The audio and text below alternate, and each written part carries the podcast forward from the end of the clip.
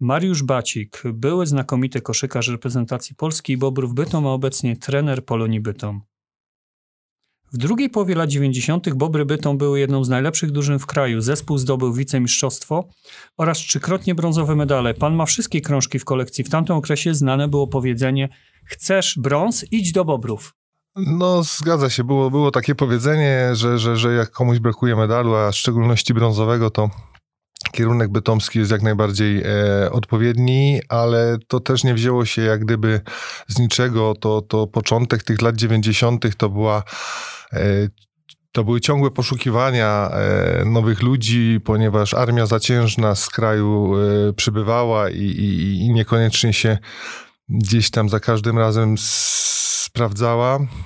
Dopiero jak poszliśmy w system taki bardziej śląski, mam na myśli tutaj e, Andrzeja Plutę, Kordiana Korytka z tych, z tych grupy młodzieżowych, e, Jacka Adamczaka, Joachim, Joachima Wolnika plus ja, e, to jak gdyby był trzon tych, tych naszych śląskich, śląskich pieronów, którzy tutaj nadawali, nadawali ton. I wtedy faktycznie jakiś dwóch, trzech ludzi z Polski plus za oceanu ktoś przyszedł nam, nam pomóc i, i wtedy to zaczęło faktycznie funkcjonować. Wiem, że przyjezdnych uczyliście śląskiej gotki. E, jak szybko przyswajali te słówka? No różnie, tak, bo był na przykład Mariusz Sobacki, rodowity człowiek z Bydgoszczy, który y, tak naprawdę umiał godać i, i, i nie miał z tym żadnych problemów. A niektórzy byli bardziej oporni i źle im to, źle im to wychodziło. E, z takich ciekawostek to czasami łatwiej było e, obcokrajowca, Amerykanina nauczyć kilku słów po śląsku. I potem wychodziły śmieszne historie, bo, bo chciał gdzieś błysnąć z, z jakimś dziennikarzem i, i nie mówił, tylko godał do, do dziennikarza. W tamtym okresie były ogromne problemy z kupnem sprzętu sportowego. Mówimy tutaj o drugiej połowie lat 90 a zwłaszcza butów e, w rozmiarze większym niż 47. E, jak sobie z tym e, pan radził i koledzy z drużyny? No na szczęście mieliśmy już w tych latach 90. dostęp do, do, że tak powiem, zawodników amerykańskich w zespole, którzy jeździli na święta, bo była, kiedyś była przerwa świąteczna, na, świąteczno-noworoczna w rozgrywkach i pamiętam, że wtedy zawsze robiliśmy zapotrzebowanie u zawodników amerykańskich na, na różnego rodzaju e, rzeczy, typu, typu bluzy, koszulki, t-shirty i przede wszystkim buty i do grania, i do chodzenia. I pamiętam, że zawsze Amerykanie, jak przyjeżdżali po takich świętach, to, to jak święty Mikołaj z kilkoma torbami i potem przez dwa, trzy dni w szatni zamieszanie, kto co bierze i, i, i jak gdyby trzeba się było jakoś, jakoś z tego rozliczyć. A jak z kupnem y, butów, o których wspomniałem, takich w dużym rozmiarze w Polsce, wtedy na Śląsku, w Betomiu? Bardzo, bardzo słabo. Ja pamiętam jeszcze koniec lat 80., jak, jak y, jednego lata mi się urosło chyba z 15 centymetrów się okazało, że nie mam spodni jeansowych do, do szkoły we wrześniu. I pamiętam, że, że jeszcze wtedy tutaj właśnie na, na, na Bytomiu, na placu, on się chyba nazywał wtedy Poli Maciejewskiej, był Pewex i nie zapomnę tego do końca życia, jak rodzice mi kupili za 3 dolary amerykańskie spodnie jeansowe Montana, które, nie wiem, znosiłem chyba kilka lat, bo, bo tak mi się podobały. A jeżeli chodzi o buty, to, to, to pamiętam, że mój ojciec zawsze, bo, bo nie było tego mojego rozmiaru, mój ojciec jakiś miał magiczny sposób i, i próbował mnie rozciągnąć i, i przeważnie mu się udawało. Właśnie pan y, mierzył 207 y, cm w czasie kariery zawodniczej, a już wcześniej w wieku nastoletnim już pan też był bardzo wysoki. No już osiągnąłem ten, ten mój wzrost, że tak powiem, w wieku 17 lat. Rozpoczynając grę w koszykówkę jako 14-latek, przy, przychodząc do Szkoły Mistrzostwa Sportowego numer 13, wtedy ówczesna trzynastka, teraz zespół szkół y, sportowych, no byłem w szoku, bo ja jako, jako piekarzanin, bo urodziłem się w piekarach, przychodząc do szkoły sportowej ze swojej swojej starej szkoły byłem najwyższy, a przychodząc do, do szkoły w Bytomiu byłem jeden z niższych. Ale coś tam, nie wiem, trener Henryk Kominek coś tam we mnie widział jakiś potencjał i, i mnie zaprosił. No i właśnie po tym roku trenowania, nie wiem, czy to wiszenie na drabinkach, czy tam inne jakieś specyficzne rzeczy spowodowały, że, że, że przez jedno lato 15, zdaje się, czy 17 centymetrów urosłem i, i jakoś to potem szybciutko poszło. No i zatrzymało się w wieku 17, na przełomie 17-18 roku życia na 2,7. Jak to w tej chwili wygląda? Czy te obecne pokolenia jednak są chyba zdecydowanie wyższe niż pokolenie te z lat 70., 80.? Na pewno, na pewno. Ja pamiętam, jak, jak za młodego jeszcze jeździłem autobusem do szkoły, no to w zasadzie wszystkich mogłem z góry obserwować i, i drugiego takiego szukaj, szukaj ze świecą. a teraz tej młodzieży naprawdę to, to, to wszystko idzie do, idzie do góry. E, no i chyba będzie szło jeszcze, jeszcze bardziej, no bo każde, każde społeczeństwo jak gdyby z, z pokolenia na pokolenie jest, jest chyba wyższe. Powracając do Bobrów, e, przez lata w betomskim klubie grało wielu amerykańskich koszykarzy.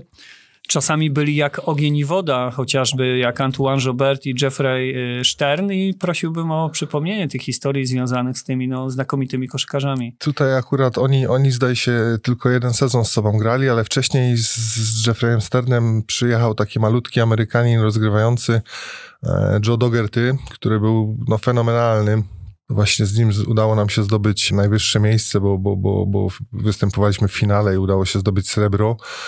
I właśnie Dogerty był takim, takim duszą człowieka, przemiły, przemiły i przesympatyczny. E, nas oczywiście próbował uczyć języka angielskiego, no bo my jesteśmy pokoleniem, gdzie w szkole uczyliśmy się języka rosyjskiego, nie angielskiego czy tam innych. W związku z tym nasz angielski jak gdyby był bardzo ubogi i uczyliśmy się wzajemnie, my, my jego polskiego, on nas e, angielskiego, żeby się jakoś porozumieć. Na przeciwieństwie jego był, był Jeff Stern, który był jak gdyby zawsze swoją drogą szedł, e, troszkę gburowaty, troszkę jak gdyby nie, niemiły, e, no ale był akceptowany, ponieważ przynosił e, wymierne efekty na, na boisku. Jak dobrze pamiętam, to Antoine Jobert też był tym y, koszykarzem, który przywoził wam czasami y, zamówione wcześniej przez was y, różne rzeczy ze Stanów Zjednoczonych. No Antek, Antek to, to, to jak gdyby jest legenda tutaj Bytomia i, i okolicy, bo również w Rudzie Śląskiej kilka, kilka sezonów spędził że już, już, po, już w pierwszym roku stał się z Antuana Antkiem i, i, i też jest właśnie, to, to jest jeden z ludzi, którzy, którzy szybko zaczął godać. Wracając do pytania, to, to, to jak najbardziej. On nawet był w stanie, był nawet w stanie gdzieś tam poprosić e, swoich znajomych, czasami w Ameryce, którzy przysyłali paczki teoretycznie jemu, a on nam to tutaj potem jak gdyby upłynniał te, te, te wszystkie rzeczy. Co najbardziej y, dziwiło Amerykanów, bo wiadomo, że te realia w latach 90. Y, były no, dla Amerykanów y, dosyć specyficzne, te nasze polskie realia.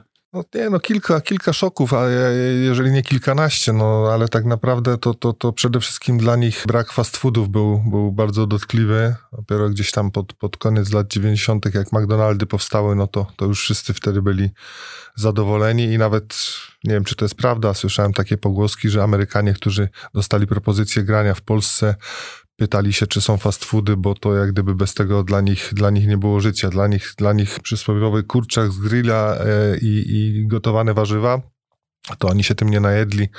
Dla nich dwa cheeseburgery, popite Coca-Colą i duże frytki to było, to było właśnie spełnienie e, marzeń. To to jest jedna rzecz. Druga rzecz, no to, to na przykład oni się bardzo dziwili, że do Wrocławia jedziemy dzień wcześniej, 180 kilometrów, a potem w podróży się już okazało, że jak jedziemy 4-5 godzin, no to już zrozumieli, dlaczego jedziemy dzień wcześniej, no bo to nie dało się po prostu w tamtych czasach dojechać, dojechać inaczej. Nawet pamiętam, że nawet do Krakowa Jechaliśmy dzień wcześniej, czy na Wisłę, czy na Hutnik Kraków, no bo, bo nigdy nie wiedziałeś, jak, jak, jak długo pojedziesz do tego, do tego Krakowa. Właśnie dziwiły ich też nasze samochody, na przykład y, Maluch, wiem, że robił spore wrażenie na amerykańskich y, koszykarzach. Tak, u nas w klubie na szczęście nie mieliśmy maluchów do, do, do ich dyspozycji, były polonezy i duże Fiaty, ale też był kłopot, bo no, oni nauczeni jak gdyby byli do automatycznej skrzyni biegów i i często i gęsto było tak, że jak wrzucił jedynkę czy dwójkę, to już jeździł na tej dwójce e, aż zarżnął silnik, no bo to jak gdyby tak byli, tak byli nauczeni. Wiadomo, że ci bardziej e, uzdolnieni e, manualnie, że tak powiem, e, udało im się przestawić, ale byli niektórzy, e, no, którzy od samego początku po prostu próbować znaleźć im, mówię o, o ludziach z klubu, że musieli znaleźć im jakiś samochód automatyczny, bo bo nie dawali rady. Właśnie poza zawodnikami z zagranicy w Betomiu grali też znakomici y, śląscy koszykarze. Y, Andrzej Pluta no, jest uważany za tytana pracy. I jak pan wspomina Andrzeja Plutę oraz też no, niestety nieżyjącego już Adama Wójcika, który był no, przyjezdnym y, zawodnikiem? Jeżeli chodzi o Adama, to, to tutaj bardziej bym, bym e, mógł opowiadać historię z, z, ze spotkań w reprezentacji kraju, gdzie, gdzie spędziłem z nim kupę lat i dzieliliśmy nawet jeden pokój przez, przez, e, przez dużo sezonów. no w Bytomiu mu się jak gdyby nie, nie powiodło. Tak naprawdę nie wiem, dlaczego, dlaczego tak to się wszystko potoczyło. Przyszedł w sierpniu, a już w grudniu go nie było. Gdzieś był niezadowolony, coś mu nie pasowało. Adam, Adam część tajemnic zabrał z sobą na drugą stronę. A jeżeli chodzi o, o, Andrzeja, no to Andrzej, no wiadomo, Andrzej, Andrzej y, pracowity, pracowity synek z Rudy Śląskiej i, i tak naprawdę do, do wszystkiego, do czego doszedł, to poprzez y, tytaniczną, można powiedzieć, pracę.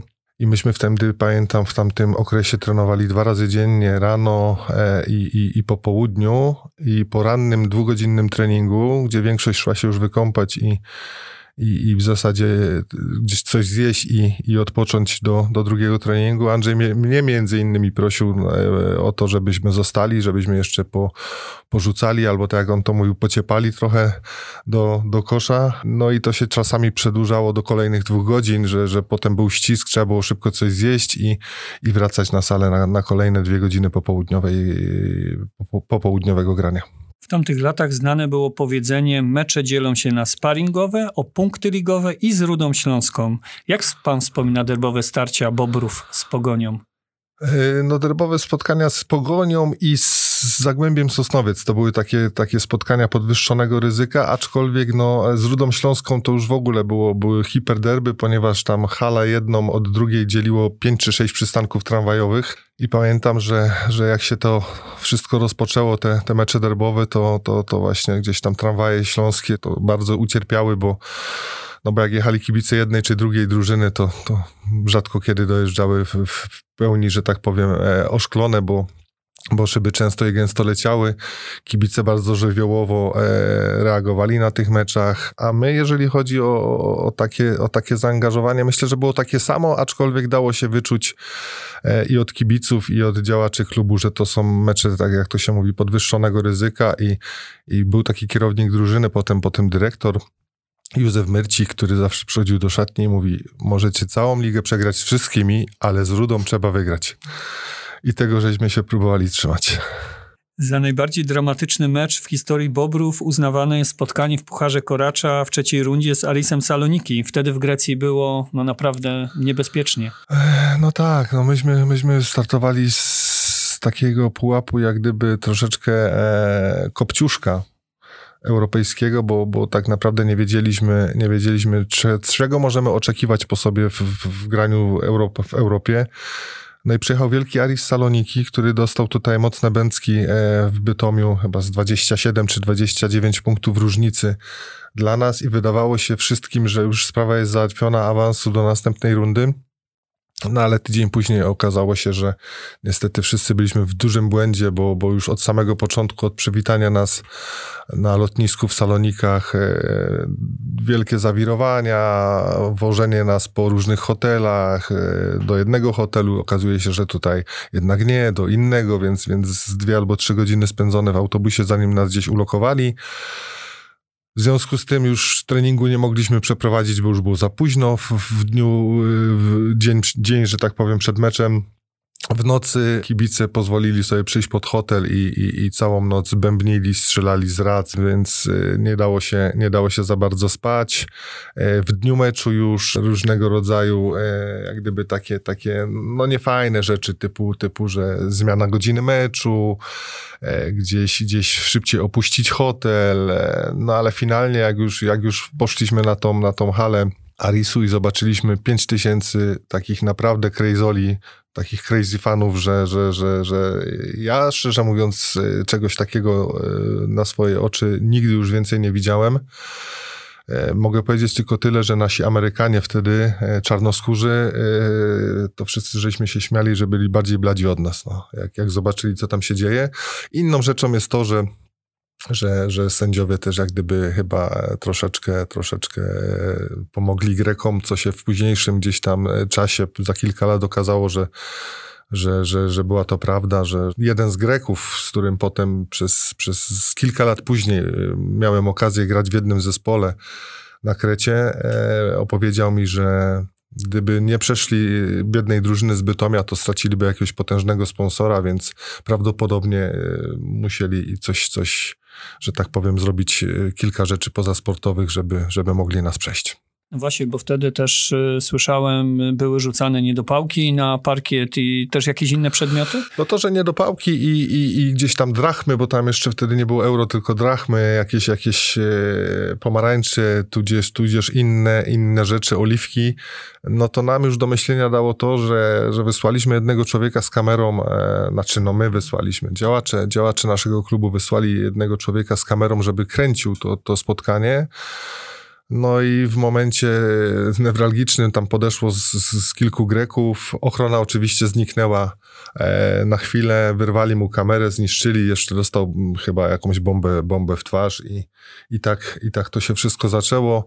E, no a my co, no po meczu przegranym chyba 40 punktami, e, szybki sprint, szybki ręczniki na głowę i szybki sprint, bo no bo, no bo tak jak mówiłem, no, publiczność grecka jest żywiołowa. Ja potem miałem okazję grać jeszcze w Grecji trzy lata, to, to, to coś na ten temat wiem, jak tam jest. No właśnie, grał pan y, w zespole z Krety i przekonał się pan nieraz, tak, o tym fanatycznym zachowaniu greckich kibiców. Można powiedzieć, że y, grając w różnych częściach Europy, pan grał świata.